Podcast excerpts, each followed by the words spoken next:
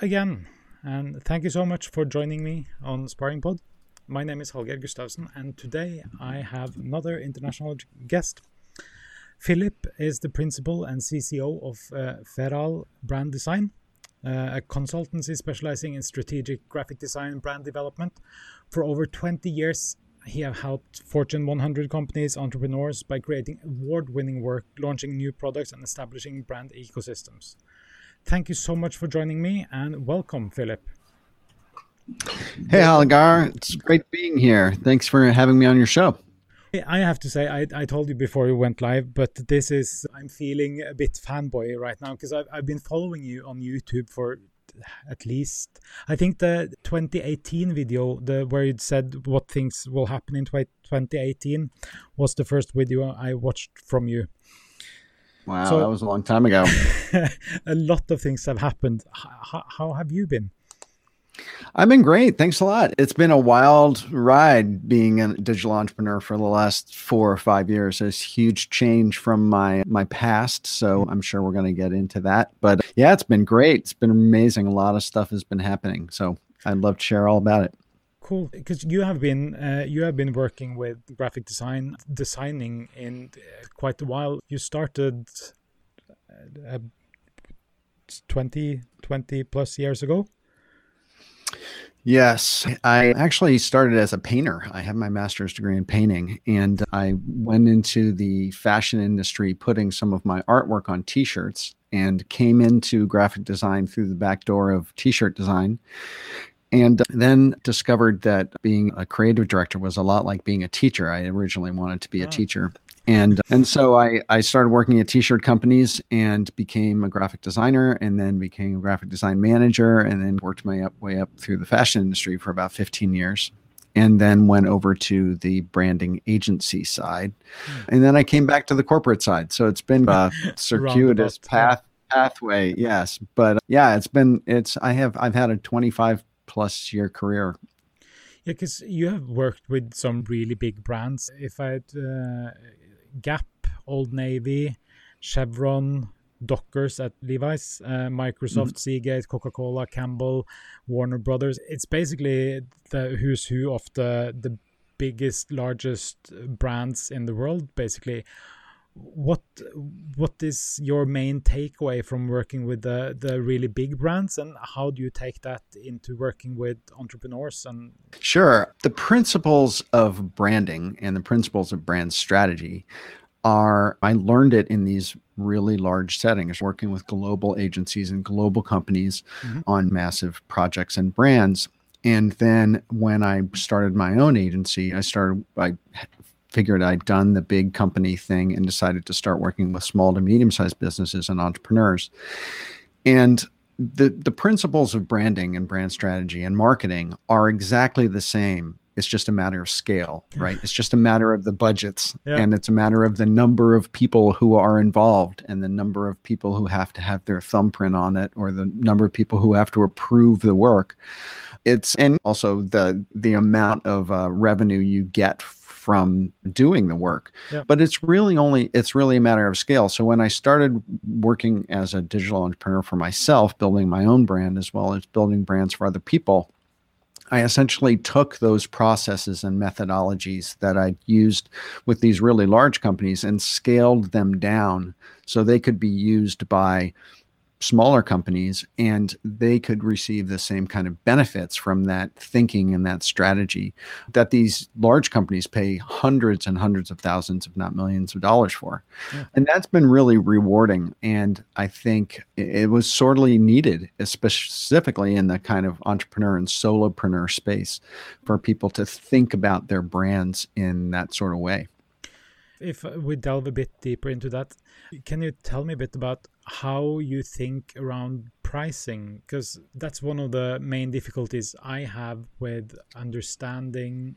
or not understanding, explaining to my clients what's the difference between because if you go to Fiverr, you can get a logo designed for five dollars and if you go to a big design agency, you can get a logo for $250,000, no problem. I sometimes, uh, not all of the time, of course, but sometimes you can show me designs and sometimes I, I wouldn't exactly know which was which. And that for me would be a big problem. How, how do you think about pricing the difference between a $250,000 logo and a $5 logo is generally pretty significant. And yes, for the most part, yes. I can tell the difference between the two. Yeah. But one of the things about working with the, the crowdsourcing and companies of the world, the Fiverrs, 99 Designs, Upwork, is you don't necessarily know where that work came from a lot of I've seen a lot of instances of pirated designs yeah. of of designs that have been pulled out of logo books uh, stolen from other people's Pinterest pages. Yeah. So you have no assurance that work is original. Number one, and number two, really, what you're what separates the men from the boys in that situation is that when there's a difference between aesthetic design and strategic design Aesthetic design is essentially picking a nice font, a color that the client likes, mm-hmm. and some sort of an icon or picture or something yeah. like that. And it's completely a subjective decision around what the client likes. Yeah. And as a designer, th- that's a completely subjective process, meaning the designer has no power or no, no say in that. They can design what they design, but if the client doesn't like it, there's nothing that they can say that will change that person's mind when you talk about strategic design is centered around an objective decision process. It's centered around who the customer is what the category of business is what does the competitive landscape look like what are those competitors doing where are they moving in the competitive landscape what are how are you trying to position yourself as a company within that competitive landscape? Are you premium? Are you value? Are you middle of the road somewhere what are the semiotics so the visual the visual indicators of your your visual branding? What is the tone of voice of your brand? How you come across in copy and how do you come across when you speak or so, so show up on social media? Those sorts of things are all driven by a core of a brand's strategy. All those decisions that are made in developing those branding assets are based on that strategy. And so many of those decisions are very objective decisions. They're not purely aesthetic decisions. So that's really the difference um, between those two. And very much the difference between a pretty picture and a brand that's going to perform for you in the marketplace the way that you want it to. Yeah. Yeah, and I also I normally have you heard about the guy who, who owns this big factory, and there's this machine uh, that's broken. And every time every day that's that machine is is standing still. The company is losing loads and loads of money. So they get the specialist in. Say can you fix this machine? He said yes of course i can fix it. And yeah please fix the machine. And he takes out a small hammer and he boinks the machine and it works again and they're really happy uh, about this. And yes please that that this was really good. Thank you. And he sends them an invoice for 100k and they're like but you just hit the machine with a small hammer. Uh, we at least we will need like a detailed invoice. So he said hitting the machine with a hammer $100 knowing where to hit it $99000 uh, $99900 so I, am thinking it's a bit it's a bit like that for for the strategic designer. It very much is and there's a similar story in when people describe what they do. When you talk to a client, they say, Hey, it only you took you a few hours or it took you a week to design that logo. Why is it going to cost me $10,000 or $25,000? You say, You're not paying for the hours it took to design the logo. You're t- paying for the 20 years of experience that I, ha- mm. that I have that are going to make that logo perform for you in the marketplace yeah. the way you want it to. Yeah. Yeah. And I also say that when you actually find agency or a designer that knows their craft and knows how to work. You also you pay for the process of getting there. That's one of the things. Peter says hi to you by the way. And let's see if we can add this. Peter? Oh can i see the chat here too? Let me see. Let me uh, see. Expose. Can i see the chat? Yes i can. Peter Lewis, awesome. He is one of my most die-hard mastermind members. He's a member of my Brand Design Masters Guild, ah. which is one of the masterminds that I run. Hello, Peter. Nice to have you also on the broadcast. okay if we if we go into the space-time continuum where mm-hmm. we take a look at the past the now and the future how did you get to where you are today what was the most significant thing that happened to you in the past that was most defining for you wow that's a really big question i think one of the biggest was when i when I went from being a fine artist to putting my stuff on t-shirts for sale. And that was I went from creating artwork that was purely for me and mm-hmm. essentially an, an expression of what was in my head and creating artwork that was supposed to speak to other people was supposed to people were going to be willing to lay down their hard-earned cash to to buy a piece of my work and this piece of work happened to be on a t-shirt which they would then put on their bodies and walk around the streets yeah. of new york with it on. And i think one of the most defining moments is when i was on my honeymoon actually in the british virgin islands and i went to breakfast and we were going and down this big lovely buffet. And i was working at old navy at the time and the work that we were doing there had incredible exposure because we printed hundreds of thousands of shirts and I went to breakfast, and uh, a guy was across from me going down the buffet line who had one of my t shirts on. And I thought, wow, that's really cool. I didn't say anything to him. and then the next morning, I went to breakfast again. The same guy was there, but he had a different t shirt on, and it was another one of our shirts and a different design in the same group. Mm and that seeing your work out there in the world and seeing people enjoy it and seeing it mean something to people's lives was has always mm-hmm. been one of those things that just really energizes and inspires me and the same this i get the same inspiration when i go to the pet food store and see a private label pet food brand that mm-hmm. we designed on the shelf. I just love that stuff. So i love putting out inspiring and quality work into the world and seeing it be enjoyed and be used and be of value to people's lives. So that was one big one. I would say probably the other major one is when i went from the fashion industry, which is a very emotional, very fast moving type of industry, into the, the strategic branding agency side, where I was working with a lot of really large clients, like some of the ones that you listed at the beginning of the show. Yeah. And where it became a, a, much less emotional and much more process driven branding and design and strategy driven experience for the working with clients. And so that was also a big change too because i'd spent 15 years in the fashion industry which is not super strategic. They are based on what's hot what's trending what is what's the competition doing and you move very quickly. It's not super uh, cerebral it's and a, so it's very emotionally based. Uh, yeah. Or is that the presumption? of? I mean, it's still products, yeah, you know. Yeah, so you got to put yeah. out what in the world people are going to buy, and it's it's a lot of money and a lot of product and a lot of shipping and logistics and things like that. But it's building a fashion line is very it's uh, time bound. When you're building a a brand like Coca Cola or PepsiCo or Chevron. It's mm-hmm. a brand that's going to last decades. And so you have to put in a lot more thought into something that's going to be out there for decades than something that's going to be out there on the shelf for a month. Yeah. And I am guessing that's why we can see the both the season seasonal change and the like the 90s fashion and the fashion and 80s fashion it's it's very different and and you get these very volatile I think would be a correct word, uh, volatile movements in those those kind of industries. But if you went back even further to 12 year old Philip, what would you what, what would you say to him? Don't be so hard on yourself. Just follow what this is what I tell people a lot. And I wish I could have told my 12 year old yeah. self this, which is don't worry so much about what your passion is.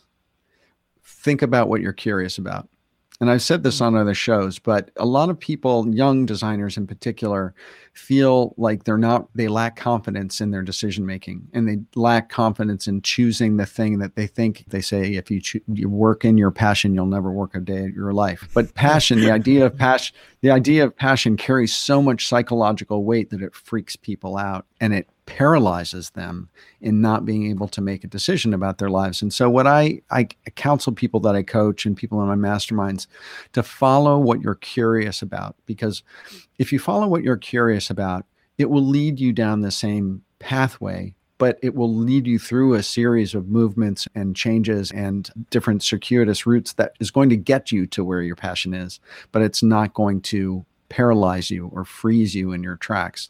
So that's what I would tell myself. I would tell myself to not be so hard on yourself and follow your curiosity. What kind of things about the the Philip you are today do you think 12 year old you would be most impressed about? Oh wow probably all the cool tech that I have. when I was a 12 year old, I was a guitar player, still am a guitar player, and um, a musician. And I coveted recording equipment and guitars and amplifiers and microphones and all the stuff that I wanted to eventually buy. And I have all that stuff now. I have it all in spades. I have the recording equipment, I have the cameras, I have the guitars. And to 12 year old me, I'm like really styling. Thank you, Daniel. Hey, Daniel, how are you? Good to see you, man. But is there anything about uh, you today that you think 12 year old you would be embarrassed about? Wow, embarrassed about that I've lost all my hair. I think that you you got me beat by about a, a, a millimeter. But I, I send sometimes if I know people really well, I'll send them a picture of myself when I was about 25 years old. I had long flowing brown locks of hair for until I was in my late 20s. And I had really nice hair.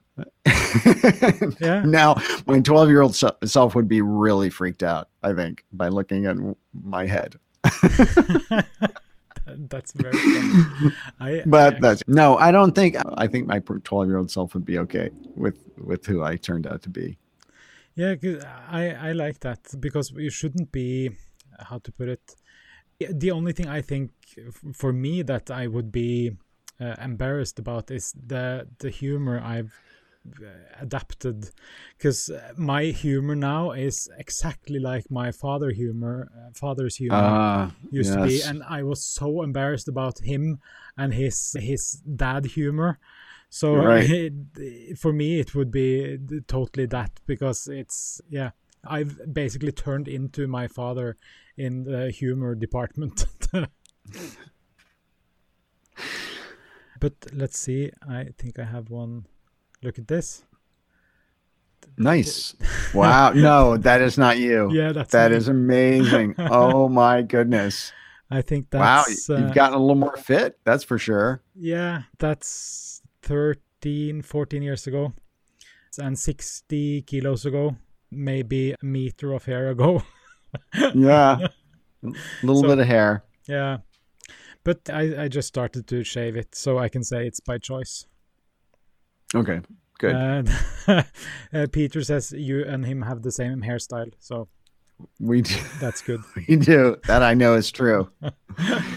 but okay, what things that you have right now do you hope you could take with you into your future then? What do you hope to still possess when you get like really old? I think my I I think being energized by inspiration. I think that I'm a, a rabid consumer of inspiration and mm-hmm. I'm always looking at imagery and looking at other video and motion design and product design, graphic design. And every single day, even though I've been in this industry for 30 plus years, I am always excited, inspired, juiced by something that I see I and inspired to to try it, to explore how that person got to that particular piece, or to to try to recognize where that piece is living in the continuum of the history of design. Like you said, one of the ways that you came across me was a trend video I did on YouTube, and I'm actually working on my 2021 Good. trend video for Looking YouTube right now. And one of the things I learned in the fashion industry is how to recognize trends, how to see trends as they're happening. And that is a, an outgrowth of my interest in being inspired is because i'm constantly looking i'm constantly making connections in my head in terms of what i'm seeing and where it's falling in this kind of sea of visual noise that we're always exposed to. And that's something i hope i never lose. So if we delve even deeper into your inspirations could you go into what things that inspire you in everyday life? Sure. The funny thing is that, and this is where I think my training as a fine artist comes into it, is that mm-hmm. I am inspired by anything. I can, when I lived in New York City, I, I used to be inspired by, in some places in New York City, you can see the remnants of painted billboards on the side of brick buildings that date back hundreds of or over 100 years. And sometimes those little ghosted images of designs or hand painted fonts or imagery or illustration you can see. And I would be incredibly inspired by it just again in that continuum of design. But then I could be just as inspired by how a particular Coke can got smashed in the street by a taxi cab and embedded into a bunch of tar that was used to repair the street. I can be inspired by the simplest and most bizarre and mundane things as I can by something that was intentional. I'm incredibly inspired by product design by visual design, both moving and and static. I'm really inspired by eh, people who are great teachers, are great inspiring speakers. I listen to a lot of music, so I pull a lot of inspiration from the music I listen to, and so I gather it from everywhere. And I think that is what makes a great creative is not drawing kind of boundaries and saying I only get my you know creative inspiration from looking at communication arts magazine annuals you know yeah. or whatever that is. I i really span the gamut and i think that's what makes life interesting for creative people. What qualities uh, in people inspire you then? What qualities in people? Curious people. I like people yeah. who are willing to try and yep. willing to fail. One of my one of my biggest sayings that I love to say is you have to dare to suck and the reason why I say that is because when you're just, there's a lot of times where people want to do something or they have an idea they want to try out. But if it's on social media, on a YouTube channel or a podcast or, you know, writing a blog post or hitting publish, they freeze and they get very frightened about yeah. how people are going to judge them or what people are going to say about them, how good people are going to think it is.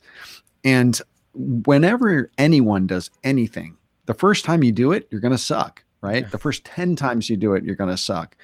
And in social media or anyway in digital entrepreneurship, those sucking moments just happen to be a little more visible to the general public. But you have to go through those steps. You have to get out there. You have to try. You have to start and you have to suck. And then over time, you get better and better. And at your 20th video or podcast, you're going to look back to that first and you're going to say, oh my God, I can't believe I put that out there. But you're also going to realize, you're going to realize how far you've come. Yeah. And you can't progress until you start. So I really admire in people the guts to get out there and be bad and hit publish and start that journey because it's a terrifying moment. Going back to one of your earlier questions, yep. Hallgeir, is what was one of those defining moments in my life? About four or five years ago, one of the defining moments is, in a life is when I hit publish on my first YouTube video. I came from, I was a very senior executive at one of the top five companies in the world. I had a lot of visibility and I was putting myself out there as an individual without that company's name on my business card. And I was terrified about being judged, whether people thought that I knew what I was talking about, imposter syndrome, oh, whether yeah. my old colleagues were going to see it, whether my old clients were going to see it, what they would say, what they would think. And making that leap to hitting publish and starting on a new journey and daring to suck at something brand new for a guy who was pretty advanced in his career was terrifying. But I did it. And now I have probably over 250 videos on YouTube and a couple hundred thousand subscribers. And I'm in a very different place. But hitting that publish you know button at the first was it gives me goosebumps just thinking about it now. And i i wish that for anybody. I wish that experience for every, anybody. What things specifically do you do that you think and hope can inspire others? Everything that i do right now is intended to inspire others I'm literally everything they do. I, I have my own agency. So mm-hmm. I work with small to medium sized businesses and entrepreneurs to help build their strategic brands. So I'm seeking to inspire them to greater heights. I have a Facebook group, the Brand Design Masters Facebook group, where creative professionals and entrepreneurs can join and, and mingle and communicate with each other, mm-hmm. um, inspire each other. I obviously teach on YouTube and have been for years and years now. I have my own podcast, as you may know, the Brand Design Masters podcast. I also do webinars. I host paid mastermind groups. A number of the viewers who are here right now are mm-hmm. members of that. And so I teach, I mentor, I help inspire and push people to greater heights in what they want to do with their lives, whether that's in a creative, uh, creative professional mode or whether that's in an entrepreneurial mode in any range of categories. That is what I love doing. I love helping people to get to another level. And that's what gets me up every morning. And to tell you the truth, I love, I'm working harder than I ever have in my life. And, but I am enjoying what I'm doing more than I ever have in my life. I'm enjoying what I'm doing, who I'm helping, what I'm producing in my life more than I ever have in my previous 20 years of my career in big corporate and big agency life. And I think, think that doing just that, uh, working hard to inspire others, doing your best to influence people in a good way. I think that's one of the things that give you uh, or gives the strength to actually work better than you have uh, than you have done before. Peter is still commenting. Um, best career propulsion encouragement mentor. corner of the solar system. CPAM. I, I love that. I love that what what other people have inspired you in these ways? I, I know you had uh, on one of your podcasts you had the Youpreneur. Yeah, Chris Ducker. Yeah, Ducker. Yes.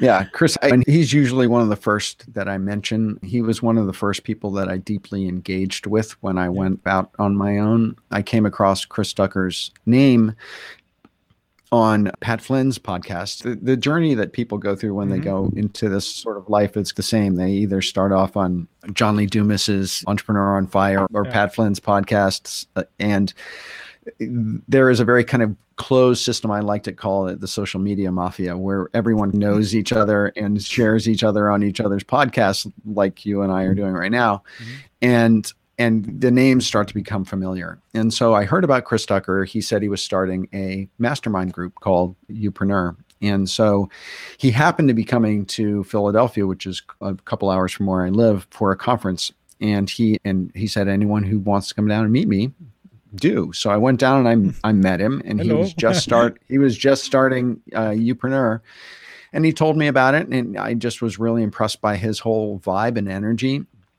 And so I joined Youpreneur, and that mastermind experience was did more to catapult my own development than probably anything I did in the first couple years that I was out on my own. So I credit him a lot with kind of setting me on a, a righteous path to growth. Yeah. And there's other people that I'm really inspired by. Roberto Blake, who's a YouTuber I'm good friends with and super inspired by. Chris Do, of course, another friend and incredible mentor in the design industry. Amy Landino used to be named Amy Schmittauer, but Sexy Savvy Social, she was a big influencer on me in the very beginning there's a lot of YouTubers who were as well as podcasters, and they taught me, they served as great examples for what to do to build a content uh, yeah. empire and a personal brand. Yeah, and I, I think you've been doing that uh, very well the, the last couple of years when you are trying to get uh, come up with these ideas uh, do you have a process for doing that or are you just uh, one of these luck driven guys that just wanders around and then suddenly aha eureka yeah eureka Yeah. yeah. it's no, I don't get struck by lightning. Inspiration, they, no, very few creatives or content producers that I know are struck by lightning, struck mm. by inspiration. You, inspiration doesn't come to you. You have to go out and hunt it down. Yeah, that's what I like to say. And I think about the people that I'm trying to help and I listen to the people that I'm trying to help and what their struggles are, what they want to know about. And I ask them, I say, What are you struggling with? What is it that's going to really help you? And then I try to develop content and offer my opinion and give guidance to to people in the areas that they think that they're really going to need assistance. The other thing that I have to do as a kind of mentor or a design leader is I have to have my antenna up to what I think is important for them yeah. to know.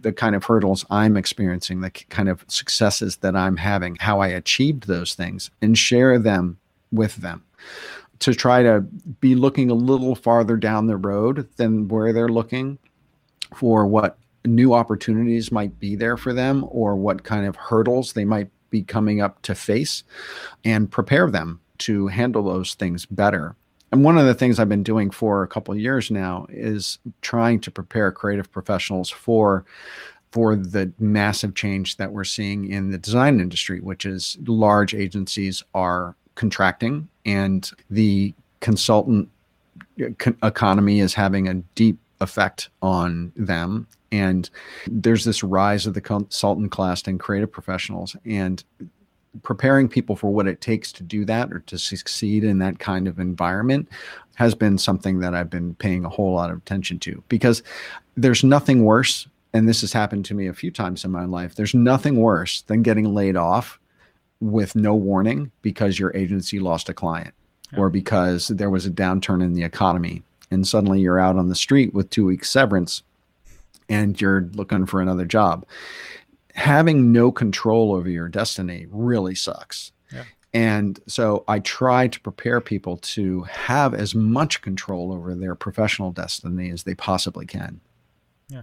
Daniel is on inspiration, creativity is a blue collar job. Those eureka moments don't exist, in my humble opinion, as creativity is the product of a lot of hard work. I totally uh, agree, Daniel, and I'm sure Philip also is agreeing on this because I'm thinking that the actual thinking and the the process around it is something you have to go through to craft an idea. Because good ideas are crafted. Yeah and not every idea is a good idea. No, that's no. the other thing. It's like when you're developing design you develop 40 designs and you come up with six or eight that you're going to show. Mm-hmm. And that's very much the same thing with inspiration is you may have 10 ideas and you may have to sort through them and find yeah. the one or two that are really going to be of value to people or really be inv- inspiring for you to create.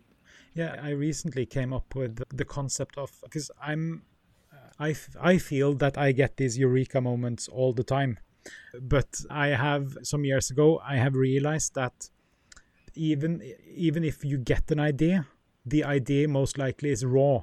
That's how I like to view it. It's a raw idea that needs to be worked on to even see if it can become something. It's like mm-hmm. a lump of dough and you can knead it and you can stretch it out. You can add some pizza sauce, you can add some cheese, then you can put it in the oven and then you will figure out it, if it was a good idea or not.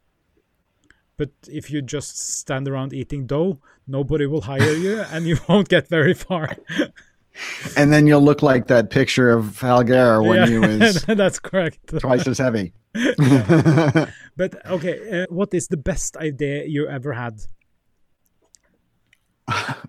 Is this the start of those 20 questions? Because you no, said they were going to be hard and that's a really the, hard question the easy ones wow I think the best idea I ever had was to start a YouTube channel. To tell you yeah. the truth, I because when I was just starting out, I was thinking podcast, YouTube, podcast, YouTube, and I had to make the decision between one of the two. I now have both, but in the beginning, it was like design is a visual language. I have to show things that are visual in order to get things across that I want to talk about. Yeah. So I went with YouTube, and that has opened up an amazing audience for me. It's created an incredible amount of open doors for me and it's given me an outlet for my creativity and to share my knowledge with people. It's acted as an amazing business development tool yeah. for my agency. It's acted as amazing kind of audience builder for masterminds and groups that i run and it's just incredibly gratifying.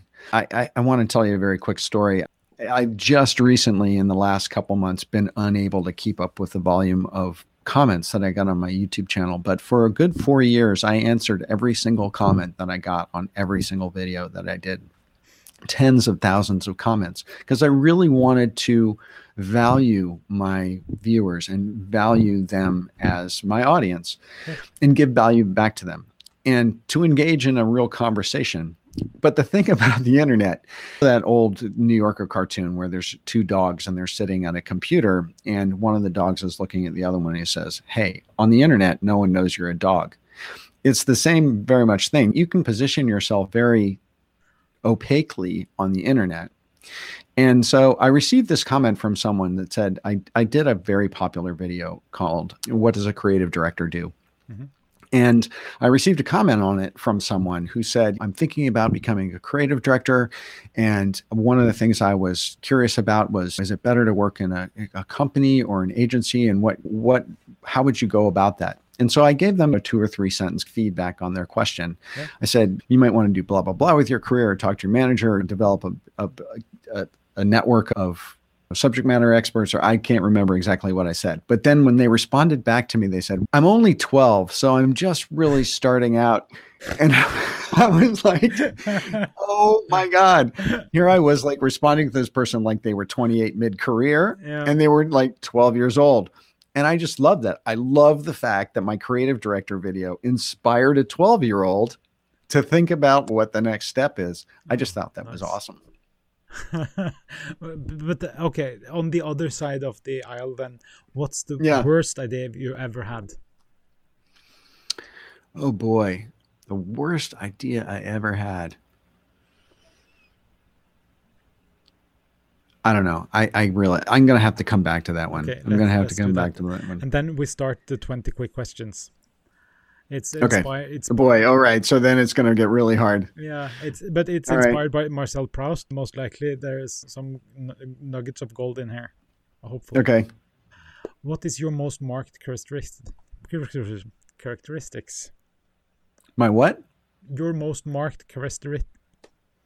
Marked. Yeah, marked. Your most. How would people ca characterize you? I think serious. I've gotten that a lot in my life. People have called me very serious. So I haven't, I, I, come across as being serious. I'm not actually that serious a person, but I have that vibe or professorial. Yeah. That's the other one I get yeah. is that I come across as a professor, which is good because yeah. that's what I am. I think really knowledgeable people often come off as uh, hmm. serious mm. because they know their shit. So it's, uh, it's easy to come off as serious then. Uh, what quality do you most like in a person? Creativity. What do you most value in your friends? Honesty. What is your principal defect? This is like such a classic like job interview question. but I think my biggest defect is that I'm a workaholic and sometimes I have a hard time turning off. What is your favorite or most admired occupation? My most admired occupation would be a professional scuba diver because I love scuba diving. And when I was a kid, when I was 12, I wanted to be Jacques Cousteau and I still want to be Jacques Cousteau. so if I had one calling that I missed, it, it, was to be an oceanographer. So that I think is probably the coolest profession that there could be what is your definition of happiness? Feeling like you are enough. In your mind, what would be the greatest misfortune? The greatest misfortune.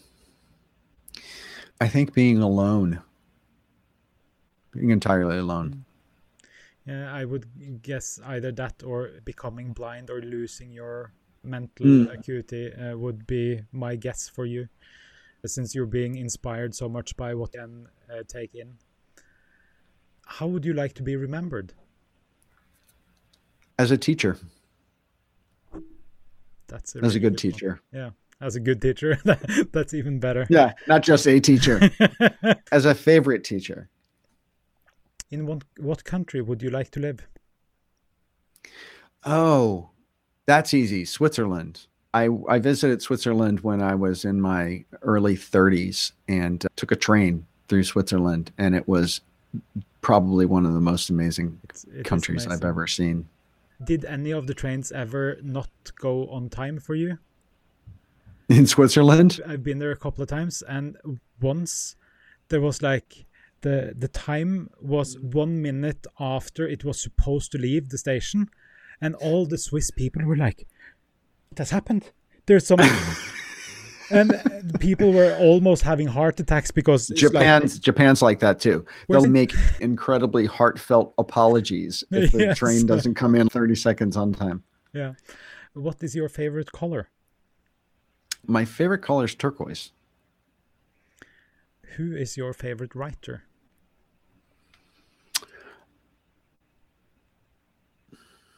Boy, that's really hard. All right, I'm going to think about this. My favorite writer right now is and and Okay, I'm going to go back to that. One of my favorite writers is a guy named Richard Proenneke.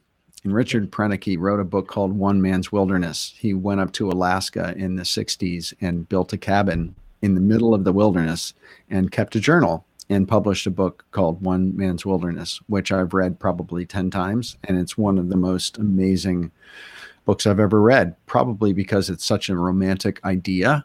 Oh, but the funny thing is, he was all alone. He was totally alone most of the time, but he lived an incredible life Yeah. and kept an amazing journal. But if anyone's thinking about reading a really inspiring book, read One Man's Wilderness by Richard Proenneke. Perfect. Who are your favorite fictional heroes? Oh, my favorite fictional heroes. Man. And this was before all the movies. Yeah, yeah. Like yeah. I you know, I'm old enough to know having watched Batman on television in the 60s. And the Batman, the Bruce Wayne, the alter ego, multimillionaire, but then real cool super, superhero, like it doesn't get any better than that, right? No. no. Who's your favorite musician? That's easy. Jimi Hendrix. Who is or are or was your favorite artist? That's a toss up between Otto Dix and Max Beckmann. Who are your heroes in real life? My heroes in real life. One of my heroes was my dad, who's passed, but he was a huge influence on me. Wow, people that I idolize. I'm reading the second, the first book of Barack Obama's A Promised Land, and I think that he personifies just about everything that I think I admire in a human being, and uh, so he's definitely one. What do you most dislike? What do I most dislike in general? Arrogance. What historical figure do you most despise? I, I, Well- one caveat. I- don't think we're allowed to say Hitler, because Yeah. everyone goes for Hitler. So Yeah. someone else. Despise. Okay. Genghis Khan. Ah, He wasn't a nice dude. dude. Not. what natural gift would you most like to possess? Oh, a natural gift. I would love to be able to be a really great singer. I've mm. always wanted to be a really great singer. There's some people who are just natural who can just sing unbelievably, and that's something I've always wanted to possess. How would you like to die? Wow, painlessly. What vice do you have that you most like to give into? What that's an interesting question. What advice do I have? yeah that you like to give into. As you saw on the picture earlier, I really enjoyed gluttony. Uh, oh, what vice? Sorry, sorry. Okay, what vice do I give into? Like yeah. Because well, I like people to have, have I like yeah. Yeah, yeah, yeah. I like to li- give into sloth. Like when I turn off, I, I really turn off. Like I can definitely do four hours of Netflix on a couch on a Sunday afternoon. I can definitely uh, do that. And then we were back at the worst idea Philip ever has had. That's, okay. That's oh man, you brought it back. Yes, you of course we bring it back. Oh man. Okay. I had a chance to think about it. The worst idea I ever had let's see if what Peter says. He says, "I'm an excellent interviewer." Okay, okay, here it is. The hot seat. I got it. All right. Now this is a real story, Hallgeir. Okay. The worst idea I ever had. I was working on an archaeological dig on Crete when I was in grad school. And it was an amazing experience. And we worked all day on an uninhabited island off the northern coast of Crete. It was 100 degrees, very hot. We sweat like crazy. And then we would come back to the little town, the little coastal town in Crete, mm-hmm. and we would lunch. We'd drink a whole bunch of beers. We'd get a little buzz on before we'd have to do our we before we have to do our our kind of our land based work in archaeology, going cataloging and drawing things and stuff like that. And one afternoon, I we didn't have to do that work, so I decided to tie one on, and I got pretty drunk. And they happened to rent windsurfers in this little village, oh. and so I decided to go windsurfing drunk, and that was a really bad idea. I ended up. I had not windsurfed much in my life, and I ended up falling off the windsurfer onto my side and cracking a couple ribs on the edge of the windsurfer. Oh. And so for the next two weeks of the dig, I had to work standing up with my middle wrapped by a gigantic ace bandage in incredible pain, drawing architectural drawings of ru- ruins of a Minoan fishing village. And that was excruciatingly painful. So, going windsurfing while drunk in Crete was the worst decision I ever made. How's thank that? You, thank you so much. There that, you that's go. A, that's a good story. With that, I would. I'm thanking you so much for joining me.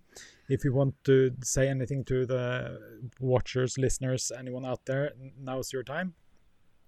Sure, absolutely. So, if anyone is interested in learning more about wh- who I am, what I teach, how I can help you as a creative professional or entrepreneur, you can join the Brand Design Masters Facebook group on Facebook. You can look at my videos on YouTube. I'm under my name, Philip Van Dusen. And I also have a podcast, the Brand Design Masters podcast, which I'd love you to check out. And that's my website on the screen. Thank you for doing that. Didn't even have to announce that. And uh, Hallgeir, it's been a pleasure. I really appreciate your having me on, on the show. And this has probably been one of the most unique interviews I've had. And I've had a lot in the last few Thank years. So, so that's awesome if if you can stick around uh, to just after the outro, I'll uh, see sure. you guys later and have an awesome night. See